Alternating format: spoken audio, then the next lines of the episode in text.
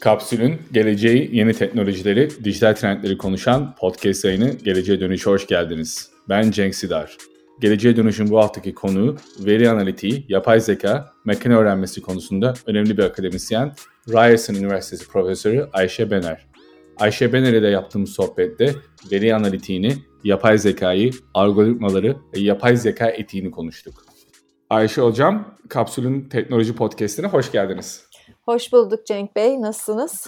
İyiyim, teşekkürler. Ee, sizinle e, yapacağımız sohbeti dört gözle bekliyordum. Çok sevindim. E, çünkü sizinle yapay zeka, makine öğrenmesi ve e, robot-insan ilişkileri üzerine konuşmak e, istiyorum. E, başlamak istiyorum. Türkiye'den başlayan serüveniniz özellikle makine öğrenmesi, yapay zeka alanında daha sonra e, Kanada'da e, akademisyenlik e, süreciyle devam etti. Biraz anlatır mısınız yani özellikle o dönemde nasıl siz bu alana yoğunlaştınız? Çünkü yapay zeka, makine öğrenmesi özellikle son 10-12 senedir böyle popülerleşen bir teknoloji trend olarak gözüküyor. Ama siz çok daha uzun süredir bu alanda çalışıyorsunuz. Nasıl oldu bu konuya ilgi duymanız, akademik çalışmalara başlamanız? Valla tamamen hoş bir tesadüf diyeyim. Çünkü 86 yılında ben Boğaziçi Üniversitesi'ni bitirip Amerika'ya master yapmaya gittim. Alabama Üniversitesi'ne Huntsville şehrinde NASA'nın büyükçe bir üssü var ve çeşitli bilindik araştırmaların önemli bir kısmı oradan yapılıyor. Üniversiteyle birlikte bir yapay zeka laboratuvarı açmışlardı ve öğrenci alıyorlardı. Başvuru yaptım, kabul edildim. E, ve o e, NASA'nın bursuyla master'ımı yaptım ve AI ile de tanışmam öyle oldu ilk defa. E, ve çok sevdim yani ta 86 yılında. Tabii o yıllarda çok akademik düzeydeydi. E, Türkiye'ye döndüğüm zaman kimseye ne yaptığımı anlatamadım başta ailem olmak üzere. O yüzden bir müddet ben özel sektörde çalıştım. Bankacılık sektöründe teknoloji, operasyon gibi bölümlerin yöneticiliğini yaptım. İngiltere'de çalıştım. E, ileri teknolojiler e, e, geliştirilmesinde bankalarda. Sonra e, İngiltere'deyken doktoramı yapınca e, geri e, akademik hayata dönmeye karar verdim. E, yıl e, 99 e, yılı ve Boğaziçi Üniversitesi Bilgisayar Mühendisliği bölümüne geri döndüm öğretim üyesi olarak. Ve o zaman işte araştırma yapmayı, yayın yapmayı çok değerli çalışma arkadaşlarım ve birbirinden kıymetli ve e, akıllı öğrencilerimle birlikte öğrendim e, diyeyim. Onlar sayesinde öğrendim ve bu işin daha bir zevkine vardım. E, dolayısıyla benim hikayem böyle. E, sonra da e, bir aile kararı olarak 2010 yılında biz e, Kanada'ya göç ettik. Orada üniversitede profesör olarak çalışmaya başladım. Ve tabii ki kaldığım yerden, Boğaz içinde kaldığım yerden e, araştırmalarıma devam ettim. E, bir laboratuvar kurdum. Oldukça büyük bir laboratuvar şu anda. Endüstriyle, işte devlet kurumlarıyla ortak araştırma projeleri yaptığımız e, doktora, master öğrencileri, doktora sonrası araştırmacıların görev aldığı bir laboratuvarı yönetiyorum. Bu alanda birkaç tane bulunduğum üniversitede master, üniversite sonrası eğitim programları kurdum ve yönetiyorum. Hikayem bu. Peki şu anda Kanada'daki akademik çalışma odağınız e, yapay zeka ve makine öğrenme alanında tam olarak nedir? Makine öğrenmesinin e, ya da bazıları sanırım buna yapay öğrenmede e, kullanıyor. Evet. Bu ikisi arasında çok da fark yok diye düşünüyorum ama böyle bir akademik bir e, sanırım kafa karışıklığı demeyeyim de e, farklı bir tercih de söz konusu. E, yapay öğrenme e, konusunda hangi uygulamalar üzerine çalışıyorsunuz? Hangi alanlar üzerine çalışıyorsunuz? Akademik çalışmalarınızdan özel sektöre uygulanan e, aplikasyonlar oldu mu? Biraz bunu öğrenmek istiyorum. Tabii. Ben makine öğrenmesini tercih ediyorum çünkü yaptığımız şey makineye insan gibi öğretmeyi öğretmek. E, dolayısıyla biz daha iyi öğrenen, insan gibi öğrenen e, algoritmalar geliştirmek üzerine çalışıyoruz. E, daha ziyade bunun Bayesian e, yaklaşımlar üzerine çalışıyoruz. Yani e, olasılıklarla öğrenen e, algoritmalar üzerinde çalışıyoruz. Bunun tabii e, e, çeşitli e, uygulama alanları var. Yani öğrenme e, farklı şekillerde oluyor. Yani insanın öğrenmesi de ya bir öğretmenle öğreniyorsunuz ya da kendi kendinize bulunduğunuz ortamı gözlemleyerek, deneme yanılmayla bir takım e, e, ödüllerle veya e, cezalarla mesela bir çocuk öğreniyor ya da bir öğretmenle bir dersi öğrenir gibi öğreniyor. Öğrenmenin çeşitli yolları var. Bunların hepsini e, makineye e, e, algoritma tabir ettiğimiz e, yöntemlerle öğretmeye çalışıyoruz. İnsan gibi e, öğrenebilsin, muhakeme edebilsin e, ve bir konuda e, karar verebilsin, tahminde bulunabilsin diye. Dediğim gibi çok çeşitli alanlarda uygulamalar var. Mesela sağlık sektöründe var. Biz e, bir takım e, hastanelerle çalışıyoruz. E, çeşitli doktor gruplarıyla çalışıyoruz. Cerrahlar, e, işte acil servis doktorları gibi. Finans konusunda çok e, e, çeşitli uygulamalar var. Yıllarca Toronto borsasıyla çalıştık mesela. 10 yıllık borsa verilerine bakarak herhangi bir işte borsada kote edilmiş şeylerin, hisse senetlerinin normal dışında bir aktivitesi oluyor mu olmuyor mu mesela onun tahmin edilmesi bazı borsada işlem yapan brokerlerin e, davranışlarına bakarak hani e, kanunu e, e, aştıkları veya kanuni şeyleri aştıkları veya aşmadıkları onların tahmin edilmesi gibi e, uygulamalar. Veya mesela bir yine e, Kanada'da bir şirketle e, e, büyük bir dünya e, devi şirketle çalıştığımızda ya, e, aylık yaptıkları raporlamalardaki tahmin edilenle gerçekleşen arasında farklar oluşuyor. Ürün bazında bir takım açıklamalar yapıyorlar. İşte niye bu ürünü az sattık, niye bu ürünü çok sattık ve bunlarla ilgili e, bir takım insanlar çeşitli verilere bakarak e, şirket içerisindeki satış olsun, envanter olsun, post makinesinden geçen işlem bilgisi olsun bunlara bakarak e, açıklamalar yazıyorlar. Biz bu insanların yaptığı işi e, tamamen e, dil e, işleme teknikleri kullanarak e, makineye öğretip yaptırtmaya başladık. İşte e, Kanada'nın e, Devlet İstatistik Enstitüsü ile çalışıyoruz. E, özellikle onların e, anlamaya çalıştığı bu e, e, opioid vesaire gibi e, maddelerin kullanımının e, nasıl e, ölümlere veya e, ciddi sağlık sorunlarına yol açtığı gençlerde ve veya bazı etnik gruplarda e, bunların e, eski bilgilerine ve davranışlarına bakarak ileriye dönük nerelerde sıkıntı olacak tahminlemesi. Sigorta şirketleriyle çalışıyoruz. Yine insanların kullandığı ilaç tiplerine bakarak önümüzdeki 3-5 yıl içerisinde e, bu kişilerin kullandıkları ilaçlar ve e, sağlık e, eski sağlık bilgileri göz önünde bulundurulduğunda sakat kalma veya daha hasta olma olasılıkları nedir? E, bunların tahminlemesi ki ona göre sigorta şirketi bir takım önlemler alsın. E, Uygulamalar daha çok predictive analytics olarak adlandırılabilir belki değil mi? Hani siz önceki davranışlara, önceki dataya bakıp evet. de gelecekteki e, muhtemel riskleri ve fırsatları aslında özel sektöre e, bir şekilde sunuyorsunuz anladığım kadarıyla.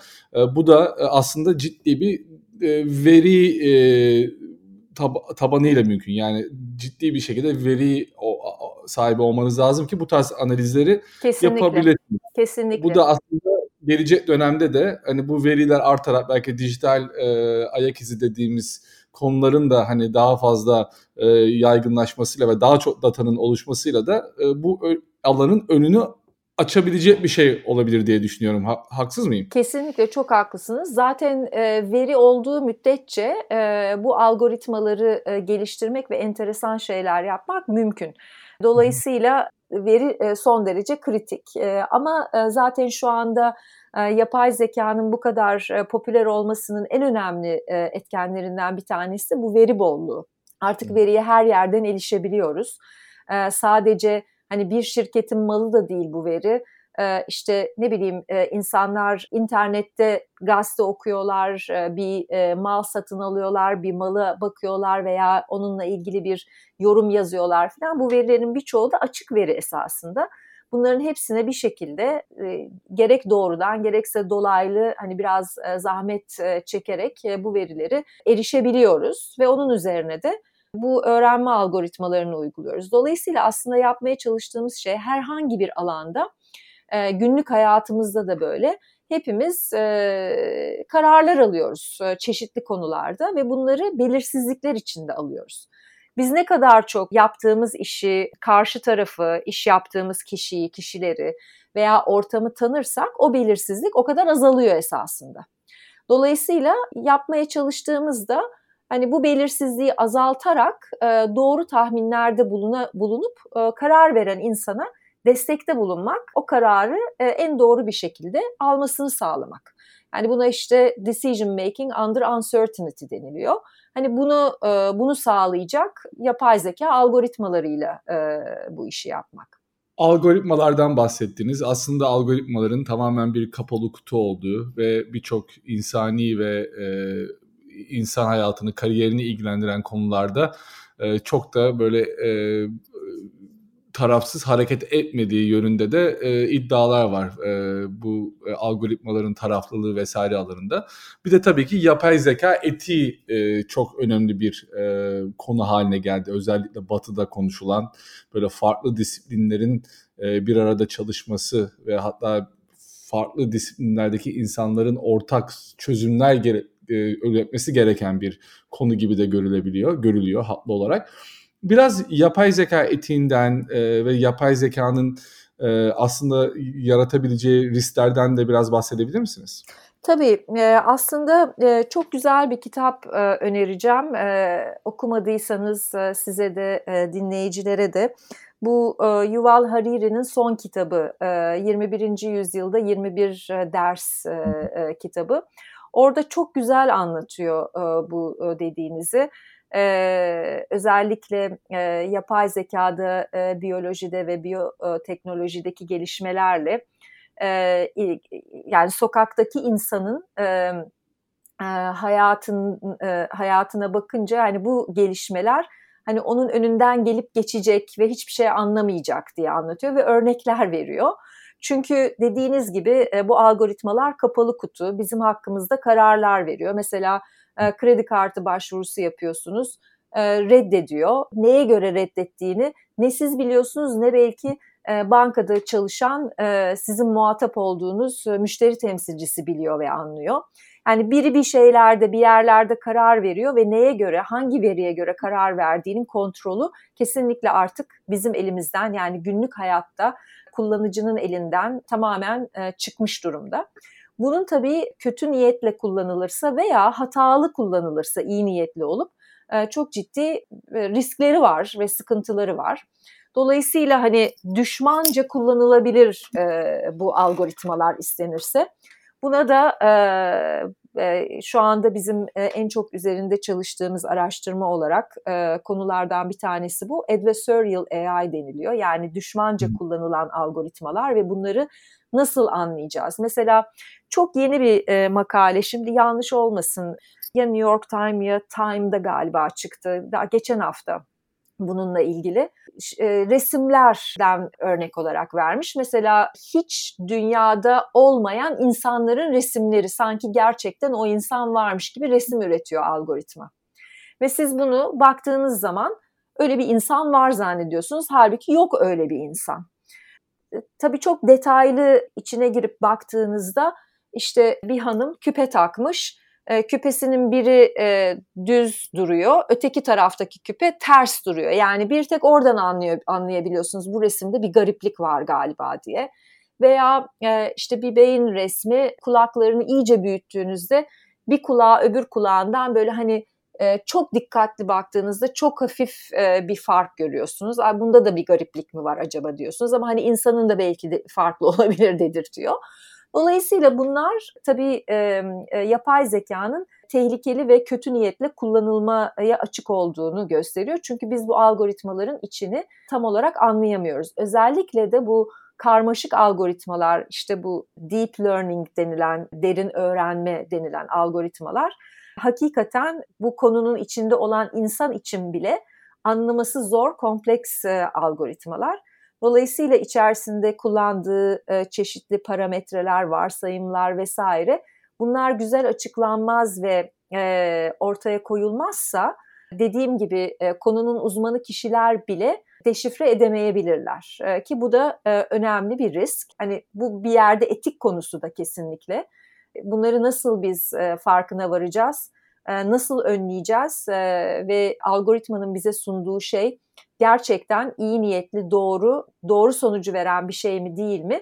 Bunu da kontrol edecek mekanizmalara ihtiyacımız var. Bu hakikaten önemli bir konu. Çok fırsatlar getiriyor yapay zeka ama tabii aynı zamanda bir takım riskler de getiriyor. Dolayısıyla hani buna da dikkat etmek lazım ve yapay zeka öyle bir şey ki hani bir kapalı kutuyu alayım kullanayım bu bir Excel Word programı değil bu algoritmalarla uğraşan, kullanan kişiler çok iyi eğitimli olmak zorundalar. Bu çok teknik bir eğitim ve yıllar süren bir bilgi birikimi. O yüzden de hani bu tarz insanlar da zaten çok az şu anda. Hani herkes kendini yapay zeka uzmanı, data scientist vesaire diye bir yerlere pazarlıyor ama çok dikkatli olmak gerekiyor.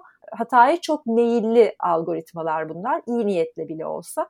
O yüzden iyi bir altyapı gerekiyor ve teknik bir altyapı gerekiyor. Öyle kolay bir altyapı değil yani bu. Ee, ve çok disiplinler arası bir alan.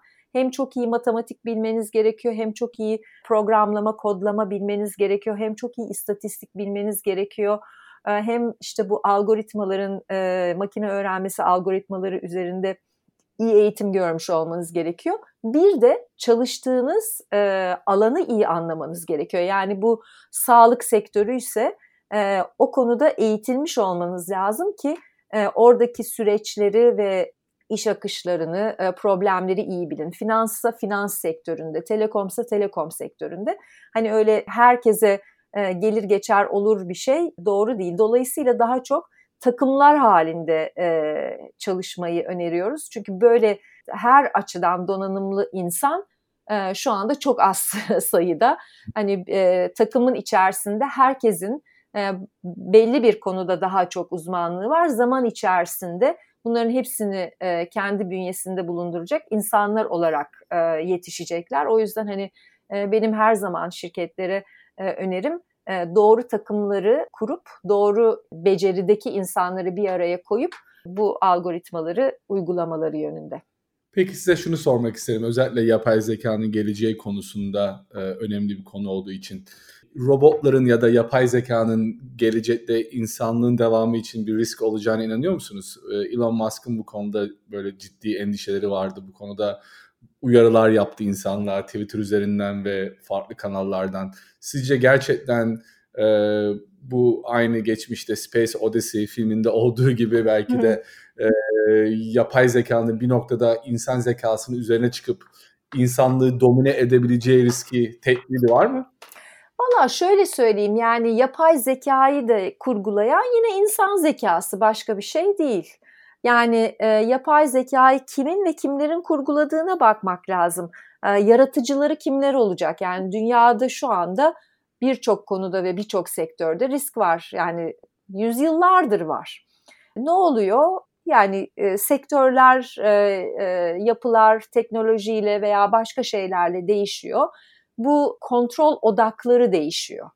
E, şimdi e, AI'da bir başka kontrol odağı olacak e, ve e, bu kontrol odağı el, el değiştirecek. Her zaman yeni bir e, teknoloji, yeni bir iş kolu, yeni bir iş yapma biçimi geldiğinde bir öncekiler e, kendilerini şu anda yapay zekanın gelmesiyle insanların hissettiği gibi hissettiler. Bu tabii e, yapay zeka çok daha e, geniş alana yayılıyor, daha hızlı ilerliyor, büyüyor vesaire. O yüzden bir korku var ama yani dünyanın e, düzenine bakarsanız bu hep böyle gelmiş, böyle gidiyor. Tabii tehlikeli olabilir ama bugünün dünyası da tehlikesiz bir dünya değil ki zaten. Doğru. Ayşe Hocam peki aynı şekilde başka bir risk faktörü olarak robotların böyle birçok e, iş kolunu domine edebileceği, e, artık insanlar tarafından yapılan işlerin çoğunun hatta böyle direkt repetitive dediğimiz işlerin tekrar gerektiren işlerin çok da böyle bir analitik yaratıcılık, inovasyon gerektirmeyen alanların robot e, robotlar tarafından yapılabileceği ve insanlığın ciddi bir işsizlik, istihdam sorunuyla karşılaşabileceği e, bir e, korku da var ve Dünya Ekonomi Forumu bu konuda ciddi bir rapor yayınladı. MIT e, Üniversitesi e, zaten her yıl iş, iş istihdamın geleceği başlıklı bir rapor yapıyor ve bu konudaki rakamları veriyor. E, siz buna karşı e, olarak neler yapılabileceğini düşünüyorsunuz? Yahut bu riskin gerçekten var olup olmadığını düşünebiliyor musunuz? Robotlar bir noktada gerçekten insanın analitik yeteneği e, ekseninde de e, işleri e, alabilecek mi? Bir robotun resim yapabileceği, inovasyon, e, inovas, inovatif bir fikir yaratabileceği, e, kitap yazabileceği, roman yazabileceği bir dünya mümkün mü? E, mümkün zaten şu anda oluyor bunlar. Yani e, işte bu doğal dil işlemesi e, örneğinde verdiğim gibi kitap yazılıyor, senaryo yazılıyor, şiir yazılıyor, resim yapılıyor falan. E, hani ne kadar yaratıcı, e, onu kurgulayanın yaratıcılığıyla sınırlı. Çünkü dediğim gibi illaki birisinin kurguluyor olması lazım. İş kayıpları olacak. Robotlar insanlar kadar yaratıcı olduğu için değil. Yine insan daha yaratıcı ama e, o robotu yarattığı için ne bileyim 100 insanın yaptığı işi bir tane robota yaptırabildiği için ama onu kurgulayan yine bir insan neticede e, şeyin spektrumun öteki tarafında. İş kayıpları olacak ama şöyle söyleyeyim bundan 20 yıl önce e, çağrı merkezleri çıktığında ne oldu? İş kayıpları olmadı mı? Deliler gibi oldu. E, insanlar veya internet bankacılığı çıktığında insanlar banka şubelerine giderken gitmez oldular. Banka şubeleri bin taneydi, 500 oldu, 200 oldu belki. Anlatabiliyor muyum? Yani her zaman e, bu, biz bunlara disruptive teknolojiler diyoruz. Yani yok eden teknolojiler. Her zaman bir teknoloji geldiğinde başka bir şeyi, var olan bir şeyi yok ediyor. Ha bunun boyutu e, bu sefer biraz daha büyük olabilir ama e, şöyle bakmak lazım. Yeni iş alanları, yeni imkanlar ortaya çıkacak. Demek ki bizim e, eski bildiğimiz e, meslekler revaçta olmayacak. Yani ezberimizi bozmamız lazım. Ben hep gençlere de şunu söylüyorum. E, yaratan tarafta olmaya bakmaları lazım. Nedir bu yaratan taraf? İlla ki e, bilgisayar bilimleri vesaire değil. Her zaman her zaman bir temel bilim e, hiçbir zaman e, hiçbir makine tarafından e, yerine koyulamayacak bir bilgidir. Dolayısıyla herkes bir temel bilimler bir şey okursa onun üstüne her tarafa gidebilir ve yaratan tarafta olabilir. Bakın bugün pandemide görüyoruz bütün dünya hani bir aşı haberi için sürekli televizyon karşısında bekliyor ve e, bütün dünya durmuş durumda. Yani şu anda bir virüs aslında bütün ekonomileri, e, bütün e, insan hürriyetlerini yani gezme, tozma, dışarı çıkma vesaire, birileriyle sosyalleşme, kahve içme bunları yok etti. Dolayısıyla hani yapay zekaya ihtiyacımız yok dünyayı yok etmek, durdurmak için. O yüzden hani böyle bakmak gerekiyor. Yani bundan sonraki meslekler bugüne kadar alıştığımız meslekler demek ki olmayacak. Belki insanlar daha az işletme okuyacaklar mesela. Daha çok biyoloji, fizik, kimya, matematik okuyacaklar. Yani biraz daha işte her zamanki baktıkları bakış açılarının dışında görmeleri lazım. E, dünya düzeni değişiyor. Yapay zeka bunlardan bir tanesi. Ona göre e, yeni dünya düzenine göre bir pozisyon alacaklar. Ben böyle görüyorum. Yani fırsat olarak, olarak görüyorum yani risk olarak görmüyorum öyle söyleyeyim. Anladım. Ee, son olarak size şunu sormak istiyorum. Bu konu aslında ülkelerin ekonomik ve teknolojik ilerlemesi açısından da çok önemli. Yapay zekada, veri analitiğinde, e, makine öğrenmesinde e, yapılacak e, ilerlemeler ülkelerin aslında ekonomilerinin, teknoloji sektörlerinin e, ileri noktaya geçmesinde de çok önemli rol oynayacak. Sizce Türkiye bu yapay zeka devriminin e, neresinde? E, neler yapılmalı? Özel sektöre, akademiye, girişimcilere sizce neler düşüyor? Nasıl Türkiye'yi yapay zeka alanında e, belki dünyada 10-15 ülke arasına sokabiliriz? Valla Türkiye maalesef hiçbir yerinde değil e, böyle bir devrimin. Bu böyle parayla falan olabilecek bir şey değil. E, yıllar boyu süren iyi bir, temelli bir matematik fen eğitimiyle olabilecek bir şey. Yıllar önce ben daha Türkiye'deyken buraya büyük şirketlerin Microsoft, Oracle gibi CEO veya onun bir altı görevdeki kişiler gelmişti. O zamanın devlet yöneticileriyle toplantılar yapıldı.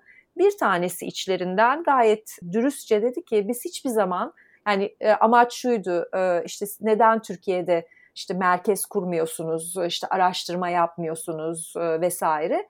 Bir tanesi dedi ki biz dedi Türkiye'de kesinlikle yatırım yapmayız. Çünkü dedi sizin ülke satında e, öğrencilerinizin, ortaokul lise öğrencilerinizin matematik ve fen bilgileri ve skorları çok düşük dedi.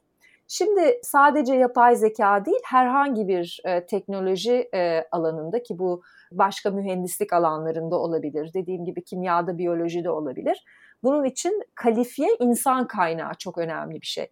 Kalifiye insan kaynağınız varsa korkmayın. Dünyayı e, neresinde olursanız olur e, yakalarsınız ve kendi ülkenizden de kendi ülkenizin içerisinde bir şeyler çıkar. Bizim insanımızın çok yetenekli olduğunu ispat etmeye gerek yok. Yani Nobel almış e, tıp alanında çok değerli hocamız var. İşte aşıları bulan Türk insanları. Demek ki yani Türk ırkında bir şey yok. Biz bu ülkede doğru imkanları veremediğimiz için ülkemizden çıkmıyor. O insanlar başka ülkelerdeki imkanlarla bunları yapabiliyorlar. O yüzden doğru yaklaşım bizim eğitim sistemimize tekrar bakmak yönetilen insan değil, yönetecek insan yetiştirecek şekilde kurgulamak ve bu temel bilimlere, matematiğe, fene önem veren ve o o temel bilimlerdeki eğitimi güçlendirecek bir yapıya kavuşturmamız lazım ki ilerideki nesiller e, bu dünyadaki e, teknolojik gelişim ve devrimi yakalayabilecek ve kendi ülkesinde yakalayabilecek nesiller olsun. E, başka türlü bu mümkün değil maalesef dediğiniz gibi Türkiye'den çıkan özellikle bilim adamlarının, girişimcilerin yaptığı çok önemli işler var. Ama maalesef doğdukları yerde değil, doydukları yerde başarılı oluyorlar. İşte bu insanların ülkede kalması için de belki topyekün bir e, zihniyet devriminin yaşanması gerekiyor. Ama e, dediğiniz gibi belki hani fen matematik alanında genel olarak hani averaj olarak e, çok iyi bir yerde değiliz ama e, belki de hani Türkiye'den çıkan özellikle bilim adamlarının bu konuda çalışan insanların sizin gibi e, ODTÜ, İTÜ, Boğaziçi gibi üniversitelerde eğitim alanlarının çok çok da tabii e, iyi yerlere geldiğini görüyoruz dünyada. E, belki bu da umutlu olunacak bir şey. E, yani genel olarak e, bir e, STEM e, gücü olmasa da Türkiye'nin e, mikro alanda önemli değerleri var. İşte bunu nasıl kullanacağız? Nasıl buralardan değerler çıkaracağız? Nasıl bunları özel sektöre e, adapte edip e, yeni fikirler, yeni girişimler üreteceğiz? Belki de bu biraz e, ülkeyi yönetenlerin daha fazla kafa yorması gereken bir konu. E, Ayşe Hocam size çok teşekkür ediyorum. Çok keyifli bir sohbet oldu. Ben teşekkür e, ederim. Olmak dileğiyle yakın zamanda. Çok teşekkürler. Evet. Sağ olun. Sağlıcakla kalın.